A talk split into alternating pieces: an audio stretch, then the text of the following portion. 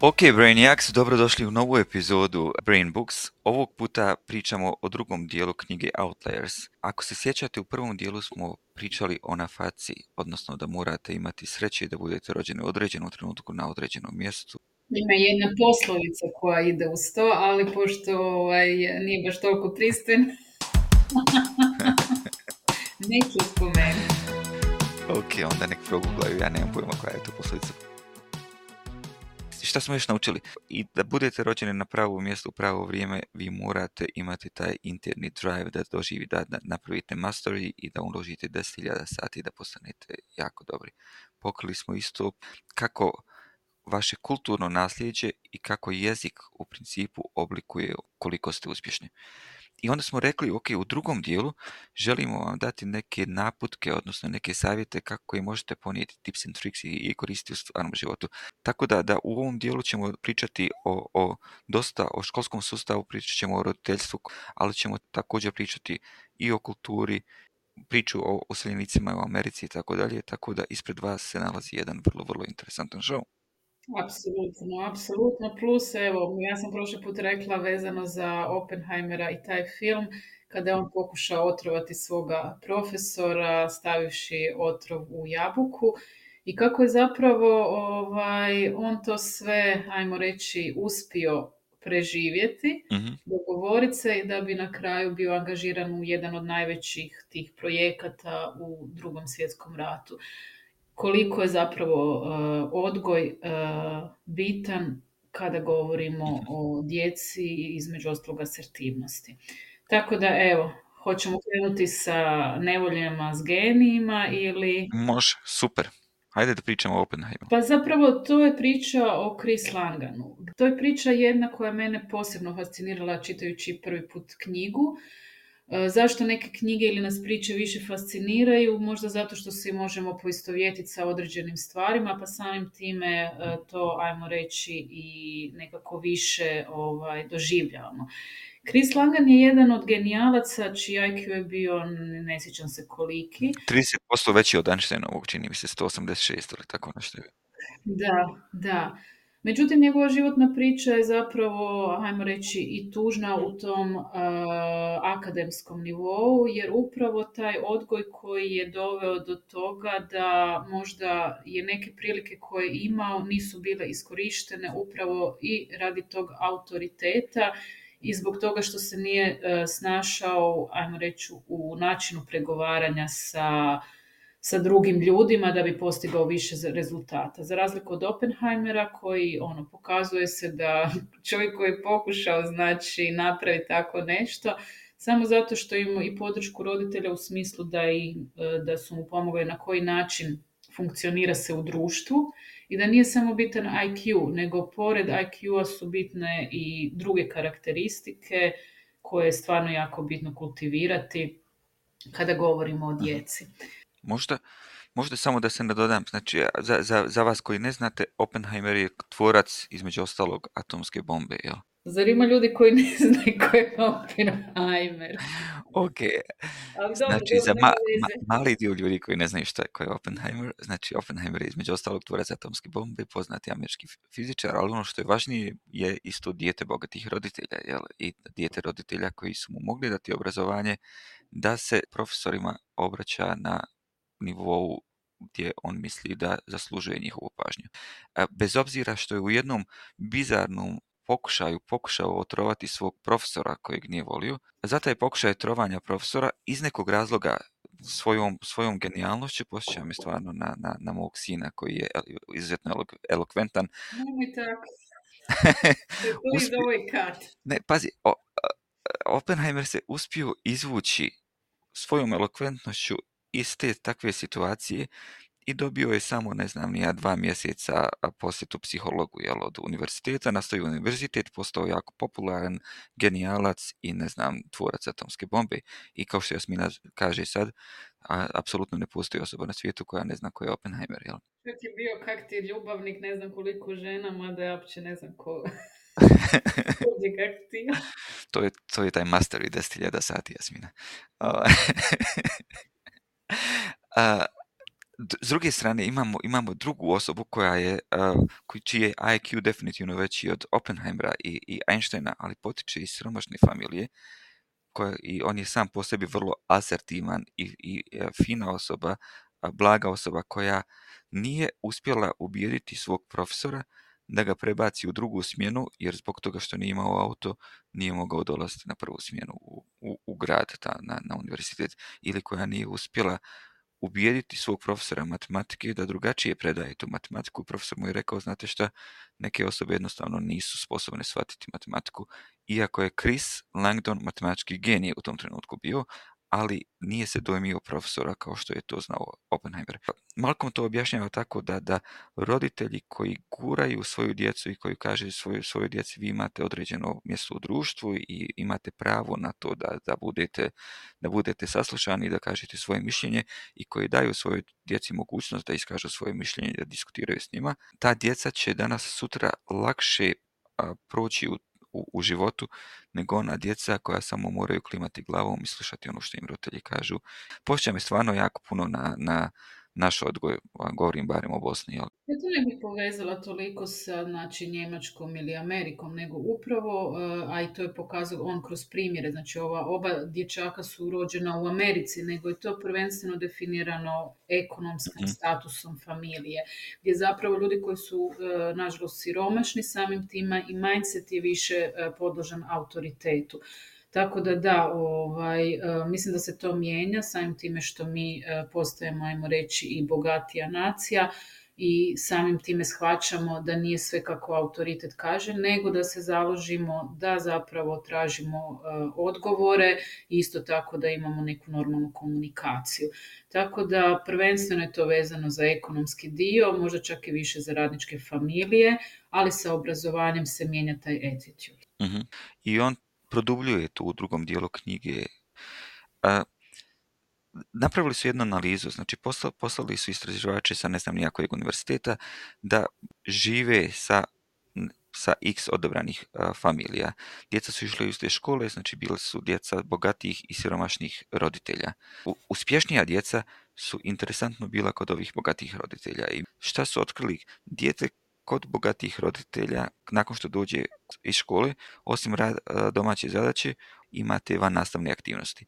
Da li je to dramska sekcija, da li je to sviranje klavira ili ne znam nija gitare, da li je to odlazak na, na futbal. Tako da dan kod uspješne djece je pun van nastavnih aktivnosti i kroz te van nastavne aktivnosti ta djeca tječu iskustva i sjeću tih 10.000 sati pa ja samo ne bih vezala tu za 10.000 sati i za master. Mislim da su te vana aktivnosti isto bitne e, vezano za za kultiviranje odnosa. Mhm. E, da, e, osim što znači imamo taj IQ koji je definiran određenim stvarima, mi u ovim interakcijama sa drugim ljudima sa, podražavamo naše promišljanje o nekim stvarima, razvijamo naš pristup to je takozvana orkestrirana kultivacija djece gdje mhm. pomažemo im razviti određene sposobnosti upravo ih angažirajući na takve neke stvari. A i ovo slažem, tu što se rekla da, da angažman roditelja, on navodi tu primjer uh, jedne djevojčice je, je djevojčica volila pjevati i roditelji bi rekli, a to je naša Mary, Mary uvijek ide po kući i pjeva i ona je takva i voli glumiti i pjevati i tako dalje. Da je rođena u bogatijoj familiji ili angažiranijoj familiji, roditelji bi rekli, o, Mary voli pjevat, idemo je upisati u muzičku školu. Mary voli glumiti, idemo je upisati u dramsku sekciju. I pokušali bi razviti taj njen talent da vidi da li nešto ima tu i da li Mary to voli raditi da bi se mogla razviti. I to je ono što možda sam, bi neki take away bio jel, i za mene kao roditelja iz ove knjige da a uzimam djecu ozbiljnije i b da pokušam im ponuditi da razviju svoje skillove u raznim oblastima dok se, dok se ne pronađu. Ono što je isto jako zanimljivo bilo, e, uvijek kada govorimo o e, IQ, govorimo koliko neko je uspio takve neke stvari riješiti. Ono što Malcolm Gladwell tu spominje test divergencije što znači test divergencije? E, govorimo recimo o jednom predmetu, on je dao predmet, e, govori o cigli i koja sve e, može biti upotreba cigle, kako je vidimo, za šta sve možemo. I onda tu ima dosta šaljivih primjera. To pokazuje određeni vid inteligencije koja je strašno nužna za naš život, da možemo primijeniti jednu stvar na više načina. Mhm što je u suprotnosti sa ovom e, IQ gdje mi samo tražimo jedno jedinstveno rješenje gdje obično ta djeca sa visokim IQ-om imaju sposobnost. Međutim, da bi mi mogli napredovati, potrebna nam je i taj, e, ta divergencija. I tu je zapravo sjajan primjer košarkaša gdje e, za dobro igranje košarke trebamo imati određenu e, visinu. Međutim, sve nakon toga je možda relevantno. Bitni su određeni drugi skilovi. I mhm. to zapravo govorimo i kod tog kada djecu, znači ok neke stvari, ali sa ovim angažmanom mi razvijamo puno drugih stvari. Ovo s inteligencijom interesantno o tome priča i e, Dan Pink u knjizi Drive. Znači, potrebno ti imati određen threshold, potrebno ti imati određeni prag inteligencije, a nakon toga, nakon što imaš, to da li, da li, da li si pametan kao e, Chris Langdon imaš, ne znam, a, super visok IQ ili e, niži IQ od njega, to, to nema nikakve, nikakve veze i neće definirati tvoj uspjeh dokle god imaš relativno dovoljno inteligencije, ali ne moraš biti genijalac. Tako je, ali e, ne bih htjela zapravo da slušatelja odvedemo sad na neki put gdje samo, znači, ajmo reći, bogatstvo određuje mogućnosti svih nas.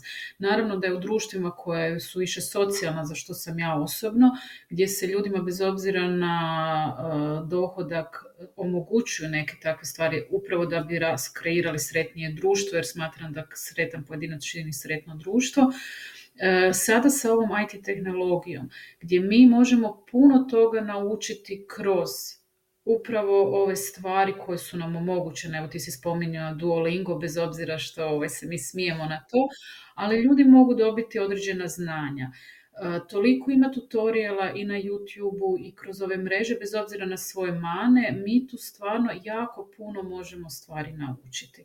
Tako da to znanje više, ajmo reći, nije rezervirano samo za bogate, ali naravno, MIT mhm. tečaj ne može svatko dobiti. E, hvala ti. Ovo, Jasmina se referira na, na moj MIT tečaj koji radim, a i na Duolingo, ono što ću ja napraviti, ja ću kontaktirati Duolingo. Sad toliko pričam o njima. Duolingo je app za učenje stranih jezika.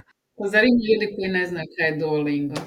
Kao i Oppenheimer, recimo da ne znaju i ovo, ovo apsolutno nije plaćena reklama i šteta što nije plaćena, ja ću ih kontaktirati da sponzoriraju naš, naš podcast, jer već treću emisiju zastupno pričamo o Duolingu i kako ja učim španski. Da se vratimo možda malo kratko na, na, na djecu, ono što me isto fasciniralo je utjecaj školskog raspusta. Ja, ja dok sam bio dijete, dok sam odrastao u Bosni, mi smo imali raspust koji je trajao, trajao tri mjeseca. Vrlo slično je ta, tako u Americi, oni isto imaju tri, tri mjeseca raz, ljetnog raspusta. I ono što su primijetili da a, kada djeca krenu u prvi razred, oni u principu, bez obzira na roditelje, na bogatstvo i na porijeklo i tako dalje, otprilike imaju plus minus isto to neko znanje i šta se, šta se dešava tokom godina se ta, ta razlika između bogatije i siromašnije djece akumulira. I onda su pokušali uhvatiti taj cut-off date, kada se to dešava. Iskontali su da svake sljedeće godine, znači u prvom razredu imate, ne znam, razliku od 5%, u drugom razredu je već razlika 10%, u trećem razliku je razlika 30% i tako dalje. Ta razlika između bogatije i siromašnije djece se akumulira i to se akumulira tokom ljetnog raspusta. Opet zašto? Govorimo o, ovom trenutku u Americi, znači te manje, manje socijalne zemlje. Ljudi koji nemaju ljudi koji imaju novac svoju djecu i na ljetnom feriju šalju na neke obrazovne kampove, imaju, imaju priliku da posjećuju biblioteku, imaju pristup knjigama, imaju pristup muzejima, imaju angažman roditelja koji ih tjeraju da se obrazuju, dok djeca siromašnih roditelja ili manje angažiranih roditelja imaju jako lijep raspust. Igraju se sa, sa svojim prijateljima, uživaju u suncu, leže na travi, trče po gradu i tako dalje. Problem je što nakon tri mjeseca u septembru ili oktobru kad ponovo krenu u školu, djeca bogatih roditelja su u ta tri mjeseca pročitala masu knjiga, posjetila milion muzeja, bili su u nekom obrazovnom kampu matematičara i tako dalje. I ona imali su tri mjeseca učenja gdje su djeca koja nisu, nisu radila tokom ta tri mjeseca u principu stagnirala i nazadovala. Jer ja ne bi, to bi samo kratku digresiju, ja to ne bi vezala za bogate roditelje, nego angažirane i neangažirane. Mhm. Jer bez obzira na bogatstvo, imamo angažiranje ili ne, tako da ovaj, kada govorimo o tome mislim da je to jako bitno za reći. Ne moramo mi imati ne znam kolike resurse da bi se angažirali eh, i pomogli znači, djetetu, okolini ili već kako želimo. Slažem se. Znači, pogotovo, pogotovo mi u Europi koji manje više svi živimo u, socijalnim državama. Jel? Čini mi se ono u svojoj knjizi bukvalno um, govori o imućnim i siromašnim roditeljima. Jel?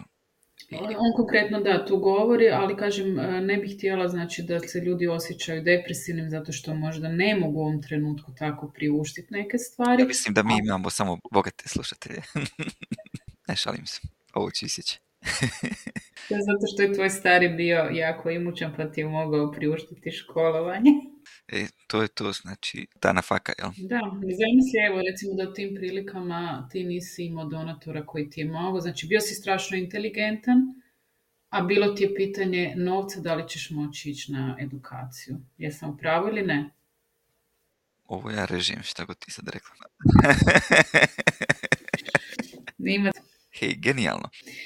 Nakon sveh ovih tu ovaj, observacija da bogati roditelji čine svoje djecu genijima, ja se vraćam na priču iseljenika koji su došli u Americi praktički strašno siromašni i počinjali su od stvarno jako teških uvjeta. Sjećam se, Erni, da je to tebe posebno fasciniralo, vjerojatno što se možda s nekim stvarima možda možeš poistovjetiti ili ne, ali evo, mislim da je ova priča isto jako bitna i voljela bih da podijeliš to sa slušateljicama i slušateljima. Znači, Ma- Malkom se u svojoj knjizi referira na par priča koja govori o uspješnim imigrantskim familija, uglavnom židovskog porijekla u Americi, koji su sada vlasnici super velikih kompanija, za, za, zašto, zašto je došlo do toga? On, on navodi priču tih advokata koji su u principu kao djeca useljenika završili su pravni fakultet, bili su advokati, u tom, u tom trenutku su advokatske kancelarije zamišljali advokata visok, plav, Clerk Gable, osoba sa, sa brčićima, markantnim pojave i tako dalje. I sve što je odstupalo od toga, znači osobe koje su bile druge boje kože, osobe koje su izgledale drugačije, osobe koje nisu bile kršćanskog porijekla, nisu dolazile kod tih advokatskih kancelarija, kod tih velikih advokatskih kancelarija, a nisu dolazili u obzir da ih se zaposli. To je te useljenike prisililo da a naprave sami svoje firme i da počnu rad na slučajevima koje ove velike advokatske firme nisu htjele prihvatiti. To je u principu taj dispute management između velikih firmi, znači svađa između velikih firmi i unfriendly takeover koji u to dobu u Americi nije bio popularan u to doba u Americi, kada bi velika jedna firma trebala preuzeti drugu firmu, onda gazde sjednu i dogovore se. Znači, stvar je u tome da e, oni su krenuli, pogotovo ovi pravni poslovi vezano za steće, što je nekada nije bilo časno raditi. To je isto zanimljivo gledati kako se neke stvari u povijesti mijenjaju, kako neke stvari koje su kategorizirane da nisu časne, sada su potpuno normalne tako da to je isto jako zanimljivo, ali oni su svi zapravo krenuli sa tim pravnim poslovima, nakon toga su se išli udruživati. I postali su ono što su sad, jel, jedne od najvećih advokatskih kancelarija u svijetu. Ali tu isto jako bitno e, radi paralelu između italijanskih e, useljenika i meksičkih u odnosu zapravo na te židovske koji su imali već na neki način određene skillove. Znači većina njih zbog isto tako težih okolnosti u Europi su možda bili krojači ili takvih nekih zanimanja i to je već bilo neko znanje koje su u tom vremenu mogli kapitalizirati jer je rasla industrija e, proizvodnje odjeće. Znači oni su već imali, ajmo reći, komparativnu prednost u odnosu na meksičke recimo ili te bilo koje useljenike koji su bili najamna snaga, rad na polju i takvih nekih stvari gdje nisu mogli razvijati skillove ni za poduzeće, ispitivanje tržišta, bla, bla, bla, za razliku od ovih. Mhm. Druge generacije tek zapravo kreću sa ovim jačim zanimanjima kao što je pravo, ali tu opet govorimo ono na faci ili da budeš rođen u tom određenom periodu kada su te škole bile dovoljno jeftine da možeš i raditi i zaraditi, da završiš pravo i postati stručnjak između osam. Znači, to je jako kompleksna priča što je Malcolm Gladwell zapravo želi pokazati. Nešto što nauko izgleda jako jednostavno, zapravo na površini je jednostavno, ali tu jako puno stvari definira ovaj, mogućnosti. uh i ono što bih rekla, još jedan citat koji se meni zapravo svidio, gdje on upravo o tome govori, e, nije ta osoba svladala prepreku, nego ono što je u početku bila prepreka, na kraju je ispala prilika. Hej, super, Jasmina, mislim da, da je to to. Imam još nešto za reći. Ali zapravo knjiga sadrži i priču o Malkom Gladvelu, njegovom djetinstvu, a za to stvarno bi trebali pročitati knjigu jer mislim da ono što sam prije, e, zapravo sigurno sam ono što sam prije rekla, ako ste prije se švercali s drugim knjigama, ovo je stvarno jedna od knjiga koja ne samo da je trebate pročitati, nego možda je imati na svojoj polici i ponekad pogledati. Vrlo, vrlo, vrlo interesantno. Jasmina, slažem se. Bez obzira koliko vremena uzeli za ovaj show, nećemo moći ispričati sve pričice koje on navodi u svojoj knjizi. Ali on je majstor u priči. Šteta bi bilo pojest našu pitu od jabuka ako vas čeka čokoladna torta koja je, ima Michelin zvijezdice. Ono što mi se sviđa da imamo sličnu frizuru Malcolm Gladwellija. I posle, ako, ako volite TED Talk, pogledajte par videa njegovih na TED Talk. On također ima i svoj podcast u kojoj ne samo da priča o knjigama, nego i o modernoj tehnologiji Pročitajte i ostale njegove knjige, a ako hoćete više ovaj, saznato na faci, e, pitajte Adu. Super. Hvala vam puno. Drago mi je da smo i ovog puta se družili uz knjige i sljedeći put pričamo o jednoj vrlo, vrlo interesantnoj knjizi od Dan Ariela. O čemu govori knjiga Jasmina? Govori o tome kako mi smatramo da se uvijek racionalno ponašamo, a zapravo smo skup totalno iracionalnih ponašanja koje možemo predvidjeti čovjeka. I kako marketinške kompanije koriste to znanje da nam prodaju stvari. Apsolutno. Super. Hvala puno i do slušanja. Ćao.